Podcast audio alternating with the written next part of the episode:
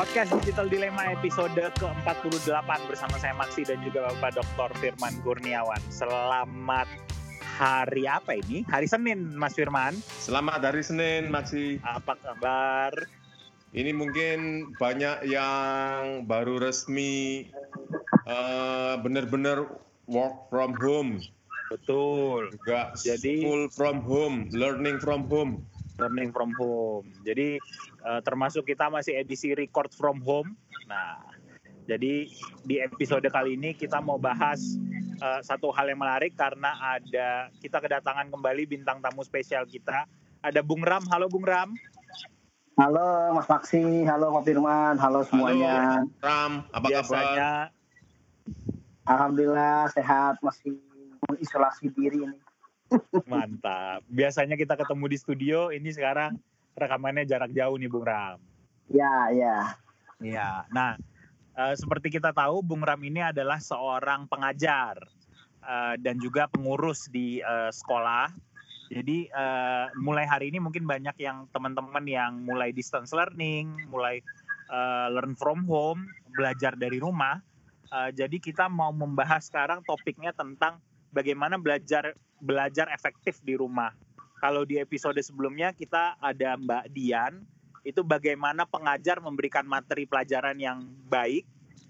Kalau ini kita coba dari perspektif siswanya seperti itu. Hmm, ya, ya. Mungkin Bung Ram bisa kasih insights nih ke kita, kasih mas, uh, masukan ke pendengar. Gimana sih sebenarnya harusnya kita menyikapi eh, momen-momen uh, ini untuk bisa belajar dengan efektif? Ya, uh, ini saya cerita dari pengalaman anak saya dulu nih. Oke. Okay.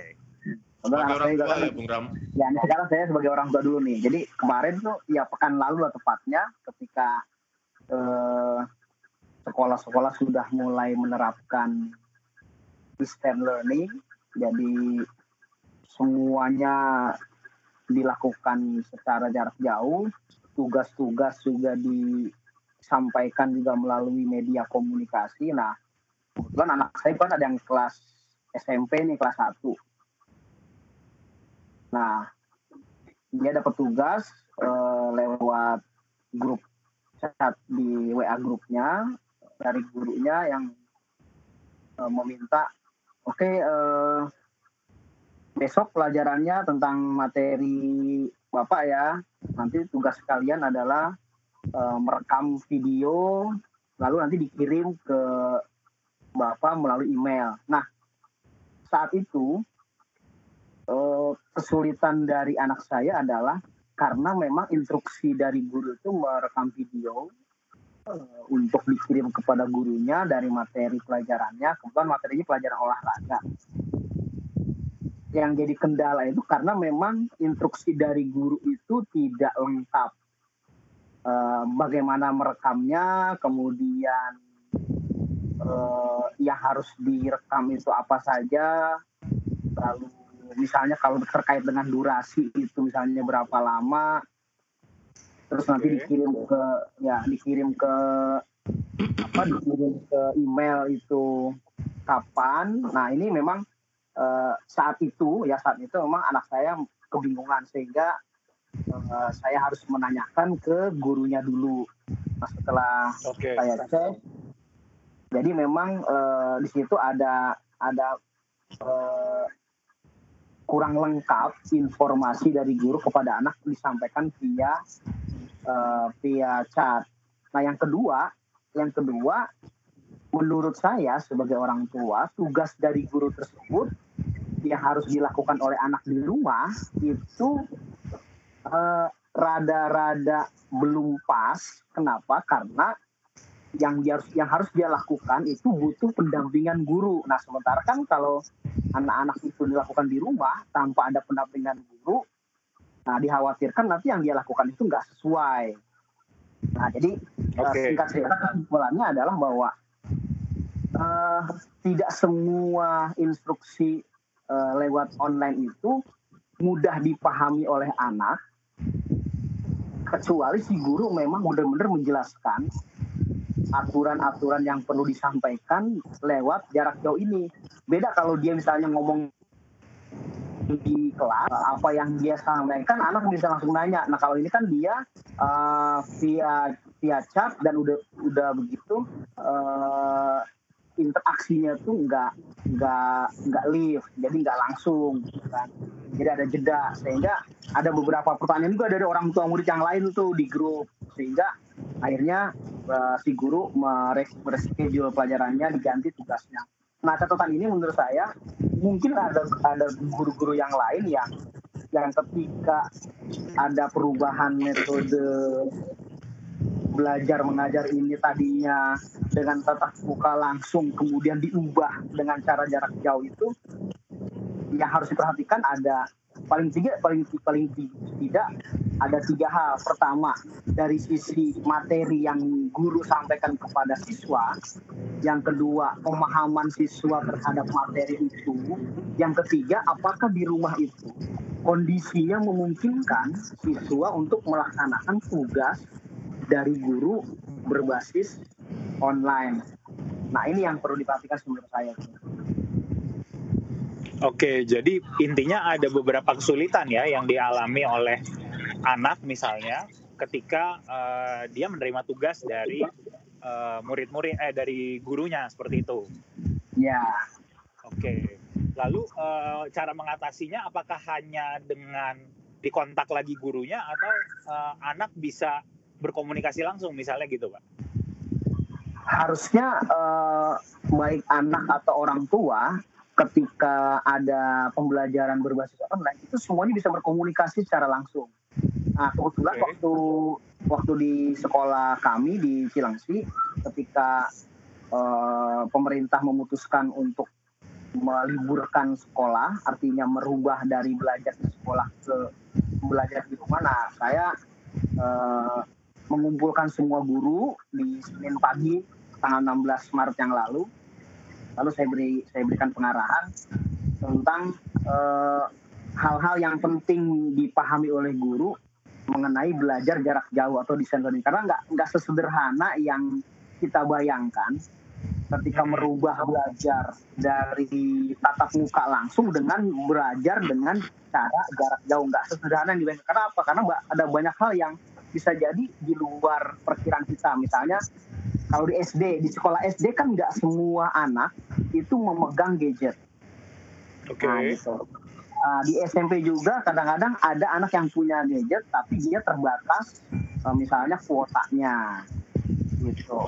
Hmm. Ada juga orang tua yang ketat. Jadi nggak serta merta guru itu bisa bebas misalnya bahkan ada misalnya tugas guru silakan kamu rekam lalu kirim video. Nah kan dia merekam video itu lalu dikirim via uh, online itu kan butuh butuh lumayan ini ya butuh lumayan kuota kemudian. Sehingga uh, nggak semua anak bisa jadi bisa langsung merespon dengan baik instruksi. Hmm. jadi si guru juga harus memperhatikan pertama jenis tugasnya, yang kedua kemampuan anak memahami, yang ketiga fasilitas di rumah mendukung nggak. Ada juga orang tua yang kalau di SD nggak semua orang tua mendampingi anak di waktu siang hari kan, ketika anak itu belajar di rumah, orang tua nggak ada, kalau guru tidak memahami kondisi itu, lalu dikirim saja tugas secara online, ya bisa nggak diklaim sama anak itu. Oke. jadi bisa jadi ada permasalahan bahkan dari yang paling fundamental yaitu infrastrukturnya ya. Iya. Oke. Uh, Mas Firman ada tanggapan tentang hal ini, Mas? Iya, seperti yang kemarin disampaikan Dr. Dian Budiarko, uh, problem belajar jauh ini bukan sekedar memindahkan ruang kelas ke ruang-ruang virtual, tapi sekarang bagaimana ketika interaksi itu digantikan oleh uh, computer mediated dan ada tuntutan untuk tetap menghadirkan suasana kelas itu sering menjadi problem. Jadi satu tadi problem infrastruktur, dua ada problem uh, uh, kemampuan pengajar maupun penerima untuk menerima okay. dengan cara yang berbeda ini. Nah, tetapi kalau menurut saya eh, di tengah situasi krisis seperti ini kan tidak bisa harap sesuatu ideal. Kita okay. rasanya eh, hanya perlu memfokuskan proses belajar anak-anak ini tetap berjalan. Sehingga satu perlu adanya kelonggaran yang diberikan oleh uh, para guru, juga perlu tambahan dampingan oleh para orang tua di rumah. Yang kedua, bisa mungkin kita membuat uh, materi-materi yang kreatif, yang uh, bentuknya berbeda dari yang biasa disampaikan di kelas, tapi substansinya nyampe. Oke. Okay. Uh, caranya pelajaran ini diselamatkan. Jadi kita nggak tahu ini berakhirnya kapan krisis. Nah, anak-anak harus tetap belajar. Jadi menurut saya sekreatif mungkin para guru harus menemukan cara dan bisa jadi nanti setelah krisis lewat itu justru menjadi cara baru, ajaran yang baru yang lebih efektif bahkan di situasi yang tidak krisis seperti itu. Ya, ya. Berarti model bisa jadi setelah uh, ini semua selesai akan ada model baru yang bisa jadi uh, bisa jadi lebih menarik gitu mungkin ya. Bagi, Betul. Bagi jadi ya. bahwa selama ini kan dikritik uh, belajar kita masih era kolonial. Betul masih mengandalkan tatap muka dan uh, apa namanya social present. Nah, ya. bisa jadi di tengah kreativitas yang kita temukan di saat krisis ini menjadi sebuah model uh, pembelajaran yang baru. Kan selama ini kita dikritik bahwa model pembelajaran bagi kelompok milenial yang sudah berbeda caranya menyerap pengetahuan itu masih mengandalkan cara-cara lama, cara-cara hmm. yang mengharuskan uh, perjumpaan di ruang-ruang kelas, adanya social present dan sebagainya. Nah, uh, kan kita sudah berhasil memetakan bahwa caranya milenial, Gen Z maupun Gen Alpha ini ketika mengambil pengetahuan itu sifatnya kolaboratif, sifatnya uh, sangat apa namanya mandiri, uh, ya. mencari sumber-sumber informasi yang mereka butuhkan Nah, bisa jadi dengan cara yang kita kembangkan selama krisis ini memenuhi kebutuhan itu semua. Hmm, ya ya. Uh, jadi kan selama ini sistem pembelajaran jarak jauh semacam itu baru yang dikembangkan oleh universitas terbuka sehingga mereka uh, bisa mempunyai mahasiswa seluruh dunia melayani betul. pembelajaran uh, on demand sesuai dengan waktu yang uh, sesuai dengan konsumennya. Nah, mungkin uh, transfer informasi setelah kita mengalami krisis ini juga bisa menjadi bukan hanya UT yang bisa melakukan, tetapi juga uh, para penyelenggara pembelajaran yang lain. Betul. Yang menarik kan kalau universitas terbuka misalnya itu kan mereka levelnya ada di level pendidikan tinggi gitu ya. Ya. Yang yang seharusnya um, mungkin pengetahuan penguasaan akan teknologi dan lebih mudah dipahami gitu ya. Betul. Uh, gimana ini skenario nya terjadi pada pendidikan dasar misalnya Bung Ram? Um, mm-hmm. Seperti apa sebenarnya pendidikan dasar ini bisa menerima pendidikan yang dengan metode seperti ini gitu? Sejauh apa dia bisa ke arah sana gitu?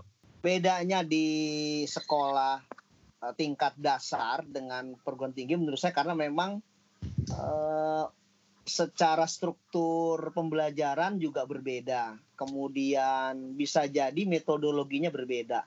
Nah, ketika uh, ya kata lagi nih, rata-rata di di sekolah tingkat dasar SD sampai SMP lah, mayoritas uh, guru-guru kita ini memang uh, terbiasa dengan metode konvensional. Artinya lebih banyak tatap muka gitu ya lebih banyak tatap muka meskipun ada beberapa sekolah sudah menerapkan juga uh, belajar yang berbasis IT sehingga yeah. tatap mukanya nggak terlalu banyak. Nah sebenarnya juga kami juga di SMP Cilengsi sedang memulai ke arah sana. Cuma memang infrastrukturnya yang belum mendukung dan beberapa guru juga perlu di, diberikan pemahaman dan pelatihan dulu.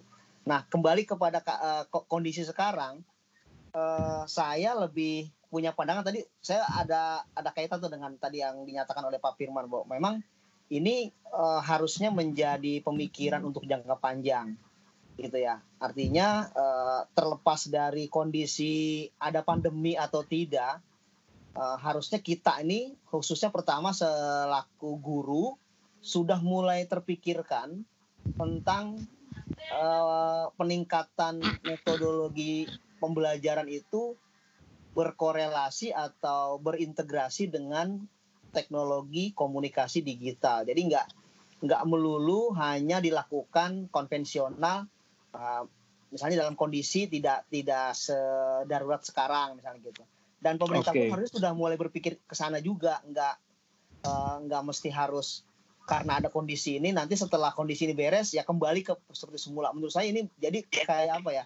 Uh, ini seperti seperti ada refleksi juga lah buat dunia pendidikan di di negara kita untuk berpikir ke depan tuh uh, sistem pendidikan nasional harus sudah mulai di-upgrade, sudah mulai dipikirkan bagaimana ke depan seluruh infrastruktur itu mendukung seandainya uh, pembelajaran di sekolah-sekolah mulai dari tingkat dasar sampai perguruan tinggi itu sudah bisa dilakukan secara online learning gitu. Nah, uh, catatan saya buat guru pentingnya di antara ini. Saya di artikel saya di uh, Facebook saya udah nulis sih tentang belajar di rumah tuh. Uh, saya udah udah nulis artikel. Jadi gini sebenarnya ketika ngomong tentang belajar jarak jauh atau belajar di rumah harus dipahami tidak sekaku uh, apa ya se tidak sekaku orang belajar merubah dari tatap muka, kemudian jarak jauh dan konotasinya harus menggunakan selalu uh, dalam jangka waktu sekian lama orang uh, guru dan murid itu menggunakan gadget. Sebenarnya bisa bisa disiasati juga. Jadi jangan sampai uh, terjebak ini terjebak uh, merubah pola belajar di sekolah kemudian dia belajar di rumah dengan cara yang sama, cuma bedanya kalau di sekolah guru dengan murid tatap muka, kalau di rumah guru dengan murid menggunakan handphone misalnya atau menggunakan hmm. komputer.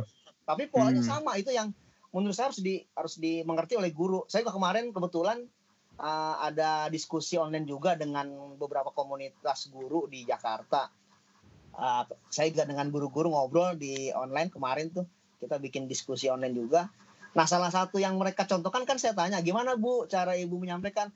Dia merekam merekam di, merekam dirinya ngomong di dalam rekaman lalu di-share ke grup WhatsApp, tapi sama saja seperti dia ngomong di depan anak-anak. Padahal eh, menurut pandangan saya belajar distance learning itu ya bisa dipahami secara moderat, jadi nggak kaku banget harus oh, misalnya melakukan misalnya virtual meeting, melakukan telekonferensi hmm. uh, menggunakan YouTube, uh, menggunakan Skype seperti ini. Jadi bisa bisa dibuat guru bisa membuat materi yang diringkas lalu di-share melalui grup uh, WhatsApp, lalu murid bisa melakukan belajar secara inquiry. Sebenarnya juga bisa bisa digunakan metode inquiry. Jadi nggak harus tutorial. Jadi saya saya menyebut saya sedang sedang nulis lagi. Jadi jangan belajar online itu sama dengan tutorial online. Jadi guru bikin tutorial online lalu di-share. Hmm. Harusnya ya guru misalnya memberikan uh, materi uh, intinya apa aja sih? Misalnya hari ini anak belajar tentang uh, perubahan uh, wujud apa perubahan wujud benda. Nanti guru yeah. nanti guru memberikan uh, rangkuman materi. Nah, apakah nanti si murid akan membaca rangkuman itu atau dia mencari sendiri lewat artikel di Google itu terserah murid sehingga belajar lebih fleksibel. Nah, menurut saya itu yang yang harus dikembangkan sehingga guru hmm. juga nggak terlalu memaksa murid harus terkoneksi dalam waktu yang bersamaan gitu.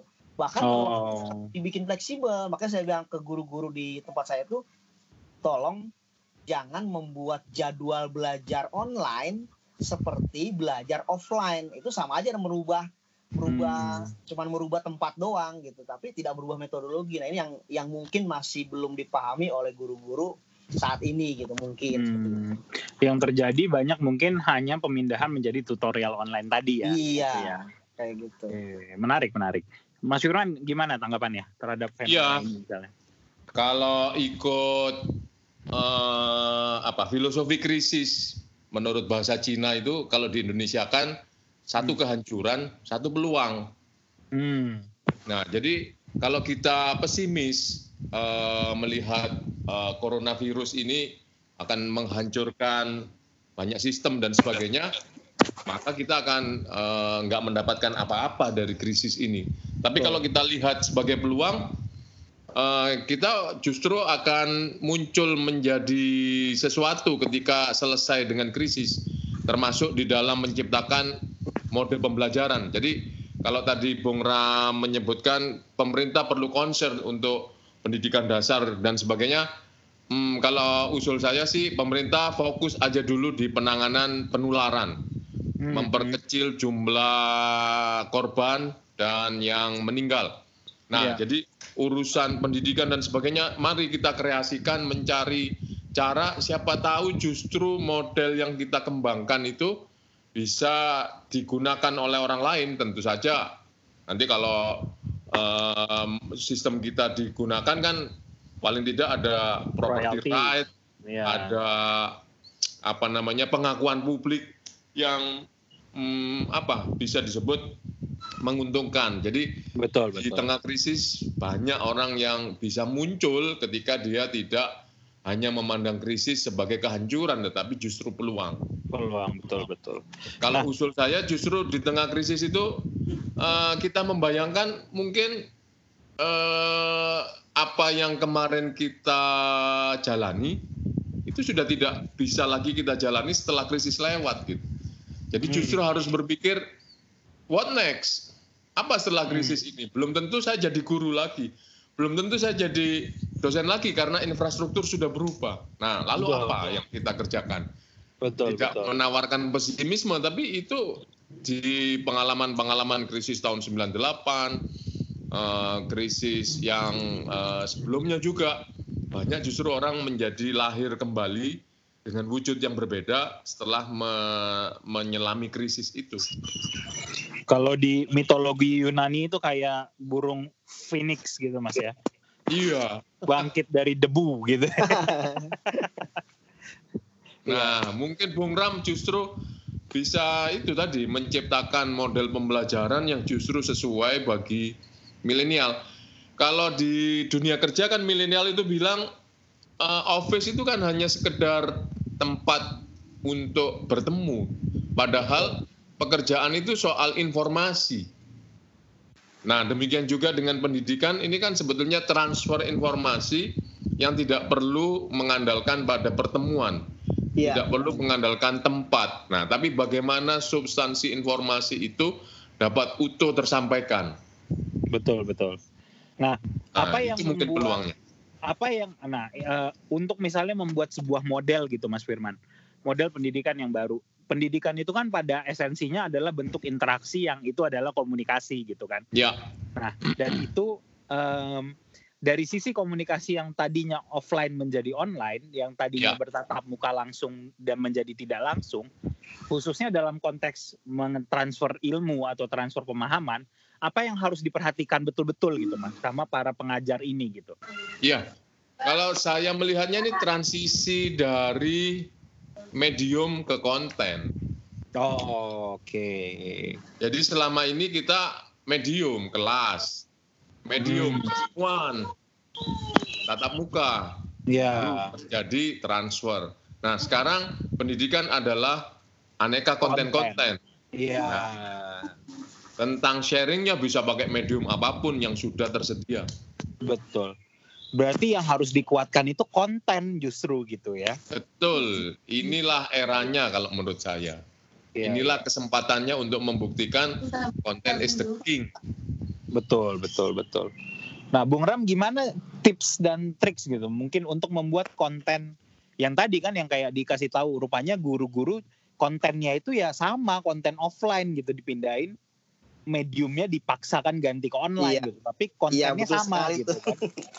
Nah, apa sebenarnya dari dari mungkin yang Bung Ram rancang misalnya ya, eh, konten pendidikan itu yang online harusnya dia ada perbedaan apa dengan offline gitu? Ya. Apa yang harus menjadi ciri uh, khas gitu?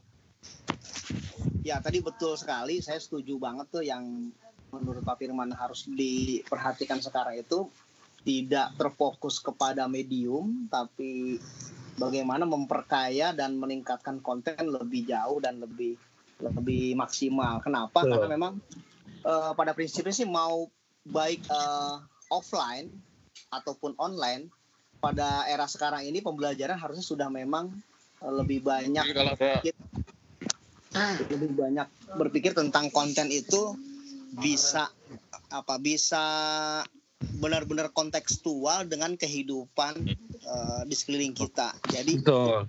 Jadi memang medium itu baik itu kelas, sekolah, uh, misalnya perpustakaan di sekolah, pokoknya intinya sekolah itu itu bukan satu-satunya medium untuk uh, belajar atau terjadinya transfer pengetahuan atau transformasi pengetahuan.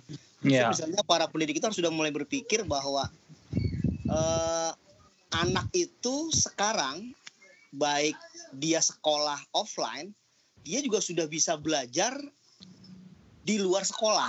Nah, sehingga yeah.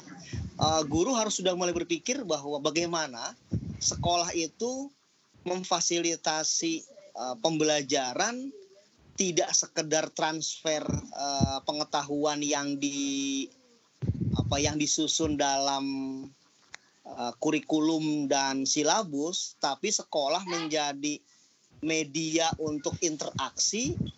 Uh, malah menurut saya sekolah itu harus sekarang menjadi media penanaman karakter yang lebih banyak gitu ya. Hmm, karakter itu yang paling penting. Kenapa? Karena kalau di sekolah itu lebih mudah uh, para pendidik itu menanamkan karakter yang bisa mereka terapkan dalam kehidupan sehari-hari. Nah, adapun yang berbentuk pengetahuan, nah sekolah mungkin nanti ke depan harus hanya sekedar menjadi fasilitator saja. Misalnya sekolah lebih lebih meningkatkan uh, perpustakaannya lebih banyak bukunya, lebih beragam dan lebih terupdate. Kemudian di sekolah juga jaringan uh, internet juga sudah diperbaiki. Kemudian cara guru mengajar juga sudah tidak lagi terfokus dengan uh, silabus yang terbatas, tapi mungkin tadi saya menyinggung tentang metode inquiry itu artinya uh, untuk mencapai satu pengetahuan anak tanpa guru pun bisa sebenarnya gitu ya. Iya iya. Tapi, ya. tapi untuk bisa mereka misalnya menyerap pengetahuan lalu mentransformasikan kepada sebuah nilai kehidupan, nah dia butuh guru yang lebih berpengalaman. Ya, Jadi kan ya. itu kan anak mentransformasikan pengetahuan yang dia dapat baik dari sekolah ataupun di luar sekolah menjadi sebuah nilai dalam kehidupan sehari-hari itu kan yang paling penting tuh dalam pendidikan menurut saya. Iya, iya. Nah, apa kemudian yang konkret Bung Ram untuk situasi krisis hari ini untuk menyelamatkan pembelajaran siswa-siswa ini? Iya, ya. Uh, ya kalau misalnya memang ini ya mudah-mudahan kalau kemarin pemerintah menetapkan masa sekolah di rumah itu adalah dua pekan ya mudah-mudahan pekan depan sudah bisa dianggap aman uh, para murid dan guru kembali kepada sekolah. Kalaupun misalnya masih dikategorikan belum aman sehingga harus diperpanjang gitu ya. Ya saya pikir tadi dari sekarang guru sudah mulai berpikir lebih kreatif tentang konten. Kemudian komunikasi dengan orang tua nih yang menurut saya juga perlu gitu karena karena ada beberapa orang tua juga mungkin uh, heboh juga. Kemudian ada beberapa orang tua yang belum memahami uh, ini gimana cara mendampingi anak belajar sementara misalnya kalau kalau gurunya meminta anak mengerjakan tugas A, B, C, D dalam satu hari, uh, itu juga nggak mudah seperti misalnya dia di sekolah gitu. Karena dia kan kalau mau nanya dia harus telepon dulu. Nah, padahal uh, itu harus sudah mulai disiapkan bagaimana cara belajar mandirinya itu. Jadi guru tuh sudah mulai berpikir nggak perlu dia menjadi tutor meskipun online tapi dia hanya jadi hmm. fasilitator hmm. gitu loh sekarang yang udah dia guru harus menjadi fasilitator maupun eh, baik online ataupun nanti offline ya gitu sih menurut saya sih itu. Hmm, ya ya. Kalau dari Mas Firman sendiri ada masukan Mas gimana guru-guru bisa mengemas konten pembelajaran itu menjadi lebih diterima uh, dalam metode mekanisme belajar online ini, Mas? Ya, sebetulnya materi-materi pembelajaran tuh sangat tersedia di internet. Kita buka yeah. Google, macam-macam cara untuk memberikan contoh tentang ilmu bumi, ilmu alam, ilmu sosial dan sebagainya. Nah, itu kan tinggal dikemas sebetulnya. Jadi, yeah, yeah. jadi uh, kalau saya membayangkan bisa kita kembali kepada diri kita sendiri atau mengajari uh, anak kita. Kalau seandainya kita ingin ngomong kepada anak kita tentang ini, apa ya? Nah itu kan bisa dikreasikan di situ. Uh, kalau saya banyak apa namanya jalan untuk menyampaikan ya, sesuatu. Ya. Dan justru kalau uh, tadi Bung Ram berharap uh, skema optimisnya dua minggu, sekolah bisa berfungsi uh, normal kembali. Kalau saya justru mungkin justru waktu yang panjang ini perlu untuk digunakan untuk mengkreasi bagaimana pembelajaran yang memenuhi tanpa adanya pertemuan dan pembelajaran yang diperantarai oleh medium. Hmm. Dan rasanya konten-konten yang menarik itu juga nggak harus diproduksi sendiri, tapi di YouTube, di apa itu ada banyak yang bisa dipakai sebenarnya ya. Iya betul, tinggal di share. Iya iya iya.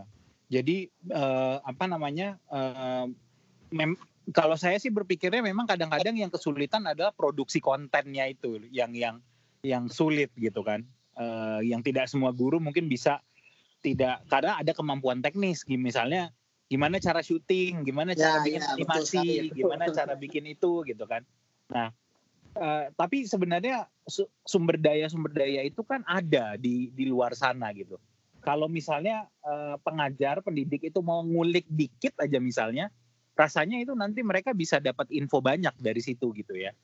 Iya. Ya, uh, apa di sekolah di sekolah Bung Ram itu apa ada me, apa uh, pembelajaran konten-konten pembelajaran yang dikemas dengan audiovisual atau multimedia gitu Bung Ram? Iya, sudah sudah dimulai sih sebenarnya di di sekolah di tempat saya itu. Mm -hmm. Hanya memang tadi uh, apakah efektif Bung Ram uh, itu hal-hal itu? Kalau dibilang 100% efektif belum, tapi memang sudah sudah kita coba misalnya uh, misalnya waktu sebelum ini ya, sebelum uh, keadaan seperti ini, yeah. dulu pernah uh, membuat tugas ya membuat tugas dalam rangka meningkatkan kemampuan berbahasa asing. Nah, mereka hmm uh, meminta kepada anak-anak itu di, dengan kelompoknya masing-masing dan dibimbing oleh gurunya untuk membuat uh, semacam video uh, hmm berdialog dengan menggunakan bahasa asing. Okay. mereka me- mengedit dengan sederhana gitu ya, dengan editan yeah, sederhana yeah. dan lalu mereka diminta untuk mengupload ke YouTube gitu kan okay. di YouTube dan nanti diminta orang tua untuk melihat dan bisa memberikan komentar atau nilai itu sudah pernah kita lakukan gitu. Oke. Okay. Nah, dan tadi saya kembali kepada memang kalau diharapkan uh, dalam waktu singkat seluruh guru harus mampu meramu konten dengan kesulitan teknis yang berbeda-beda memang ya itu perlu waktu dan rasa-rasanya juga nggak perlu seperti itu juga sih menurut saya karena memang peran peran guru yang paling penting dia sebagai fasilitator sehingga tadi kalau memang uh, guru ingin mengajarkan materi A uh, secara konten kalau misalnya anak itu mau dan itu kan perlu di didukung oleh gurunya, perlu dimotivasi. Mm -hmm. Bagaimana dia mencari itu di luar kelas kan? Ya mm -hmm. tadi dia bisa melihat YouTube gitu, dia bisa melihat uh, blog, dia bisa melihat website. Gurunya tinggal memilah saja. Misalnya guru mungkin bisa mensortir dulu. Oke, nanti kamu bisa buka link ini, bisa lihat link ini ini sehingga pembelajaran itu bisa lebih kaya tanpa hmm. harus guru guru mendampingi secara penuh gitu. Oh, nah, kalau saya usul kan ada gugus tugas percepatan penanganan COVID.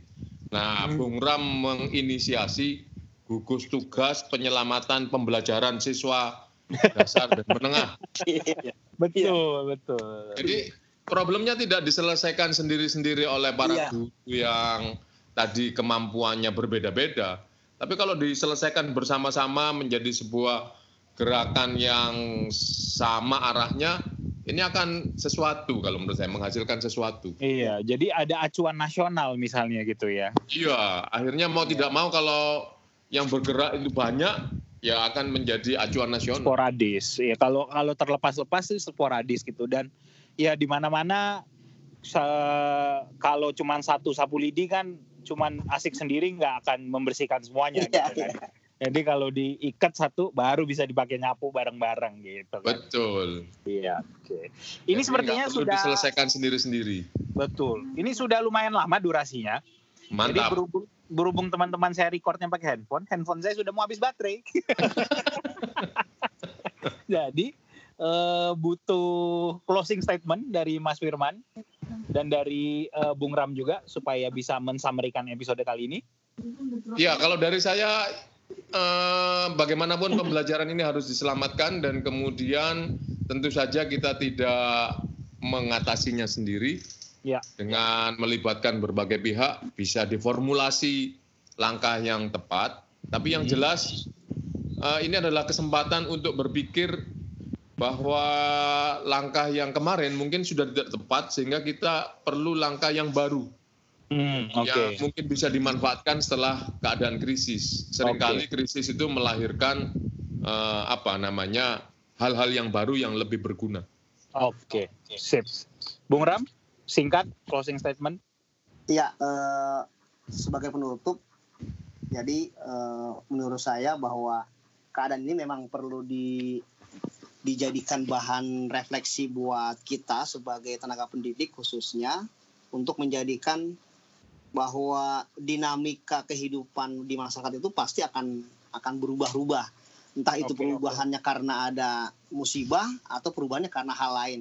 Oleh karena ya, itu, ya. dunia pendidikan memang sudah saatnya sekarang mampu menyesuaikan diri dan tampil menjadi apa ya, menjadi hal yang memberikan memberikan nuansa baru dalam kehidupan masyarakat. Okay. Kalaupun misalnya kalaupun misalnya nanti uh, tadi saya setuju banget tuh misalnya kita bikin gugus-gugus tertentu yang memang memikirkan bagaimana nih uh, konten pendidikan itu bisa dimanfaatkan sebagai konten yang bermanfaat buat masyarakat di seluruh bidang.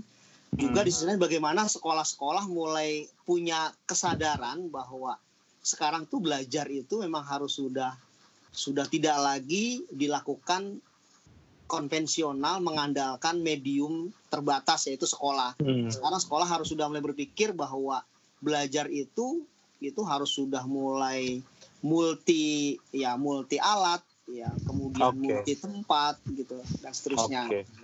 Jadi harus bisa mencari bentuk-bentuk baru yang lebih iya agile gitu ya kalau bahasa anak startup gitu. Lebih fleksibel lebih dinamis gitu. Nah. Jangan hanya mengandalkan pertemuan tatap muka betul. saja seperti itu ya. kata kunci dua tuh fleksibel dan dinamis itu. Oke okay. sip. Itu saja teman-teman episode kali ini. Terima kasih sudah banyak tadi poin-poin yang menarik yang sudah kita bahas. Semoga teman-teman bisa mendapatkan insight menarik dari uh, diskusi kali ini. Tetap dan semangat lupa, dan kreatif. Betul tetap semangat dan kreatif. Ditunggu kreasi-kreasinya kreasi para pendidik uh, menarik nih kita melihat bagaimana perkembangan pendidikan setelah kejadian ini berlalu. Uh, jangan lupa follow uh, Bung Ram di Facebooknya, uh, Bung Ram AZ ya. Iya. Uh, uh, ada Bung Ram Asoy. Bung Ram Asoy. Satu hari satu artikel. Bung Ram, mantap. Jadi masih jalan tuh proyeknya mas? Sudah 80 nih insya Allah. Oh mantap, 80. Kalau Pak Firman jangan lupa uh, follow di @firman Kurniawan. Uh, ada juga bukunya baru launching. Sudah habis sold out batch 1. Sedang oh iya tuh saya belum baca tuh bukunya tuh.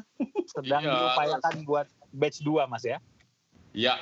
Iya gitu. Itu aja episode ke-48 kali ini. Kita ketemu lagi teman-teman di episode selanjutnya. Sampai jumpa.